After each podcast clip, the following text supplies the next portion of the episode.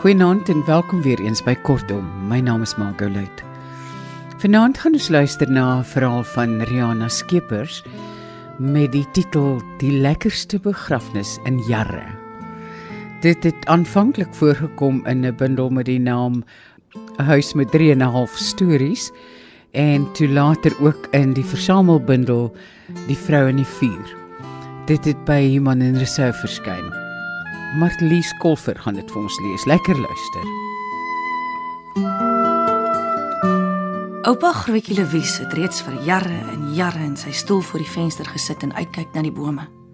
Hy was oud. Hy was selfs ouer as liewe Jesus se oupa, want hy was van altyd af daar. Maar en tingerig het hy in sy stoel gesit, oor sy baard gestreel en gekyk hoe die wind in die bome se takke beklei. Vandat ek maar weet, het hy al daar gesit en nooit 'n woord gesê nie. Hoekom praat oupa grootjie nie maar? Is hy dan stom? het ek gevra. Nee, hy is nie stom nie. Hy het net nie meer nodig om te praat nie, het sy gesê. Hy het genoeg om na te kyk. Maar waarna kyk hy? Na die wind. Hy was nog sy hele lewe lank lief vir die wind. Die wind praat met hom. Die wind werk met hom. Hy's op sy gelukkigste so. En as aan die wind is nie, daar was altyd wind in die bome. Alles het net 'n bietjie. Maar het hy al ooit in sy lewe gepraat? My ma moes 'n bietjie nadink.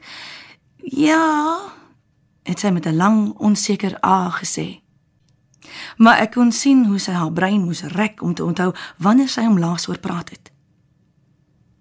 Hy het al opgepraat toe sy 'n kind was. Wat het hy toe gesê? Ek weet nie meer nie. En loop na my bokkie. Ek wil klaarmaak hier. Jy is vandag al onder my voete. Het my ma ongeduldig geword en my by die kombuis probeer uitboener. Stukkie deeg. Sy het vinnig vir my 'n stuk beskuitdeeg afgeknyp uit die wit homp wat in die skottel onder die kombers lê en hyg het. Toe toe, uit. Loop speel. Toe loop soek ek maar my ouma. Die wind skep my rok toe ek om die hoek gaan. Die lug is vol wind, soos altyd hierdie tyd van die jaar. Die wind waai my haar lint oor my gesig. Ek kry my ouma in die hoenderhok waar sy besig is om eiers uit te haal. Sy vroetel tussen die strooi en die neste. Die eiers is nog warm toe ek aan hulle in die mandjie raak. Ouma, wat was die laaste woorde wat oupa grootjie Lewis gesê het? Hey, my skapie. Ek kan nie meer onthou nie. Maar het hy al ooit in sy lewe gepraat? Natuurlik. Wat het hy gesê? Al die dinge wat ander mense sê as hulle praat. Maar sal hy ooit weer in sy lewe praat? As hy wil ja, hy's mos nie stom nie. Kan ek nie vir hom gaan vra om vir my ietsie te sê nie? 'n Rympie of 'n storie of net iets? Ja, natuurlik, gaan vra hom. Maar hy is al 'n bietjie doof hoor. So jy moet maar hard praat dat hy jou kan hoor. Ek wil nog by ouma bly, op die bale klim en die boonste neste vir haar leegmaak. Maar toe jag sy my ook. Jy moenie meer hier kom speel nie, my ouentjie. Die kwaai enetjie sit nou op 'n klompie eiers en jy moenie haar pla nie. Net vir 'n rukkie, hoor. As die kindjies uitgebroei het, kan jy weer kom. Ek weet ouma het die afgelope week vir die kapokkie Lego en eiers bymekaar gemaak om uit te broei. Nou sit sy op hulle asof dit haar eie is. Ek kyk op na waar die hennetjies se nes is. Sy het haarself so groot soos 'n werfhen uitgepof van kwaaiheid. Haar bek is oop en dit lyk asof sy my enige oomblik gaan bevlieg. Toe loop ek maar liewe weer huis toe. Niemand wil vandag met my praat nie. Saggies sluip ek in die gang af na waar oupa grootjie in sy stoel voor die venster sit. Ek gaan staan swetjies langs hom sodat hy nie skrik nie en sit my arm agter om sy skouers teen die stoel se rug. Oupa grootjie. Fluister ek saggies naby sy oor. Hy weet van my. Hy weet dat ek by hom is, voel ek. Nog voordat ek aan hom geraak het, het hy al van my geweet. Maar hy antwoord nie. Kyk ook nie eens op nie. Hy kyk van hom uit. Sy hare en sy baard reik soos lammetjies vol en sy vel na die oliefolie wat ouma vir hom in die oggend aansmeer teen die droogskirf. Sy gedagtes is nie weg soos iemand wat nie wil hê jy moenie daar wees nie. Dis hier by my. Gaan sit op die stoel se arm. Ek leun bietjie met my kop teen hom aan en kyk waarna hy kyk. Aan hierdie kant van die werk gaan daar niks aan nie. Daar's nie geboue of hoenderhokke of mense nie. Net die groot akkerboom en die laning bloekoms in die verte. Die bome maak hier uit sy hele uitkyk vol. Die akkerboom staan naby die huis. 'n Mens kan die riffeltjies in die dik bas sien. sien waar die takke mik maak en hoe die eekoringetjies by die gat in die stam inhol. As jy mooi kyk, kan jy selfs die akker sien wat soos bruin klokkies aan die takkies swaai. Die boom staan nie stil op een plek nie.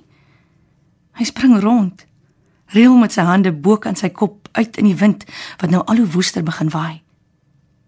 Ek kan sien hoe al die duisende blaartjies aan die boom saam beweeg. Hulle juig, klap hulle vingers en rittel dit vir 'n aardigheid. Dit is mooi. Mooi. Een van die dae gaan hulle begin afval. Honderde, duisende blink blaartjies wat in die lug rondgewaai gaan word in die slootjies om die huis in die geete gaan opdam. Ek sit langs my oupa grootjie en kyk. Die boom en die wind is die hele kamer vol. Dit voel asof ek buite is, in die wind, in die boom. Ek bly lank daar by oupa grootjie sit. Miskien het ek 'n bietjie aan die slaap geraak, want toe ek weer probeer dink wat ek hier kom maak het, kan ek nie meer onthou nie. Ek het vergeet wat ek hom wou vra. Oupa grootjie sê ek saggies in sy oor. Ek hou ook van die wind. Miskien het ek my dit verbeel. Miskien het die wind net op 'n manier deur 'n skreefie gekom en 'n woord ingeblaas. Maar hy het gepraat. So sag dat ek amper nie kon hoor nie. Liefkind, het hy gesê. Dis al. En ek het reg gehoor. Al die ander mense op die plaas het my bokkie of diertjie of hondjie of patat genoem. Ek sou dit herken het. Maar niemand Niemand het my nog ooit liefkind genoem nie. Ek het nog 'n rukkie by hom op die stoel se arm gesit. Hy het nie weer gepraat nie. Oupa Grootjie Louise is dood toe die wat lemoene lekker ryp en op hulle dik soetste was. Net so voor Kersfees, toe almal buitendien op pad plaas toe was vir die vakansie. Ouma het hom in sy stoel voor die boom gekry. Toe die familie hoor van oupa Grootjie se dood, het die wat nie op pad plaas te was nie, 'n U-turn by die see gemaak en ook gekom. Toe was die hele familie bymekaar. Ek het neefies en niggies gesien wat ek nie geweet het ek het nie. Daar was ooms en tantes wat ek jare gelede gesien het.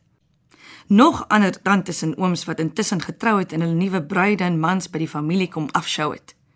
Daar was genoeg kinders om vir enige wedstryd twee spanne te maak of dit nou vir cricket of rugby of paraspring was. Pa het tent op die grasperk opgeslaan. Die kinders het almal in die groot steen geslaap, of sal ek sê probeer slaap, want ons het so gejol soos nooit tevore nie. In die dag het ons in die dam geswem en klei laat gegooi. In die nag het ons slang getrek, blik as spaai gespeel en op die solder gaan lê en die groot mense bang gemaak met spookgeluide. Die Kersfeeskos het sommer begrafniskos geword. Al die tantes het hulle vrugtekoeke saamgebring, die een so lekker soos die ander, in blikke jamtertjies en haasoogies met vye konfyt. Daar was bottels en bottels gemmerbier met uitgeswelde rosyne en proppe wat in die nag teen die spense dak skiet, en biltong en roosterkoek. En in die aande het pa hulle vuur gemaak en wors en chops gebraai. Vir die eerste keer in jare het ons weer die buiteklein huisie gebruik. Met al die baie mense moes ons En vir die eerste keer in jare ter jare het my ma nie gekyk dat ek elke aand bad nie. Op die dag van die begrafnis het die buurtse mense ook nog bygekom en nog meer kos saamgebring. Melkterte en bekerstuks vleisstroop en eiertoebroodjies en hoenderboutjies. Al my lekkerste kosse bymekaar op die lang bokkietafel onder 'n vliegnet in die diep skaduwee onder die bome. Die begrafnis was gou oor. Na die kerkdiens in die voorhuis is oupa grootjie Lewis in die kerkhof onder die sipresse begrawe. Pa het nog intussen die ring meer mooi laat afwit. Daar was genoeg hande om die werk te doen. En ma se rooi malvas het geil geblom. Die ses oudste agterkleinkinders het die kus gedra. Dit was mooi. Mooi. Ons het van die eikeboom se blaartjies in die oop graf gegooi. Niemand het gehuil nie, maar almal was vir 'n paar oomblikke lank 'n bietjie treurig. Veral toe pa na die laaste gesingery sy hempsmoue oprol en die naaste graaf optel wat teen die hoop rooi grond gelê het. Die ander ooms het ook nader gestaan en begin toegooi. Toe ons terugloop, toe hoor ek Auntie Maria sê vir ouma: "Dis nou net so ons ons pa altyd geken het. Nooit vir een mens op die aarde moeite aangedoen nie, selfs nie eens met sy dood nie." Na die eetery het ons kinders eers gejol. Ons het ons begrafnisklere en skoene uitgetrek en in die akkerboom gaan klim. Ma wou nog keer, maar dit was te laat. Ons was reeds in. Auntie Maria het met haar hande in haar sye onder die boom kom staan en in die takke opgeskrou. Ek slat julle dood as julle julle vrek val hier uit op hulle wiese boom. Het julle gehoor? Maar ons het nie gehoor nie. Laatmiddag, toe die mense begin regmaak om te gaan, sommige van die familie ook, toe sê oom Godlieb met sy arm om my ma se skouers vir haar: "O sussie, ek sê nou vir jou. Dit was die lekkerste begrafnis wat ek in jare gehad het." Is so oom Godlie, het my ma gesê. Sy het gesien dat ek na haar staan en kyk en haar arm na my uitgehou. Ek het by haar gaan staan. Ek was nou 'n bietjie moeg van alles. Al die mense op die plaas en al die dinge. Daar het nog mense bygekom wat my ma kom groet het. Toe slyp ek maar saggies in die gang af na waar oupa grootjie in sy stoel voor die venster sit. Ek gaan staan sweetjies langs hom sodat hy nie dalk skrik nie. En sit my arm agter om sy skouers teen die stoel se rug. Voor my staan die akkerboom. Hy dans nie vandag nie.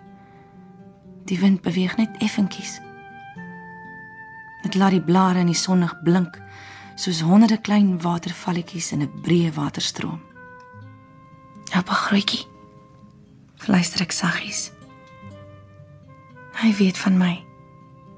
Hy weet dat ek by hom is. Ek voel dit. Lief kind. Sê die wind in die boom.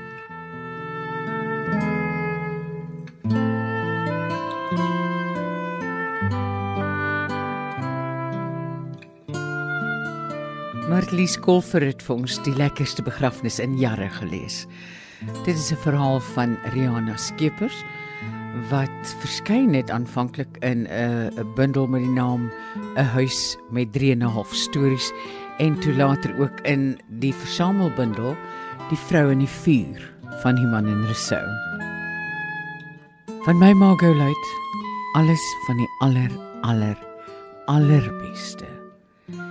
Mag dit met u almal baie goed gaan. Totsiens. thank you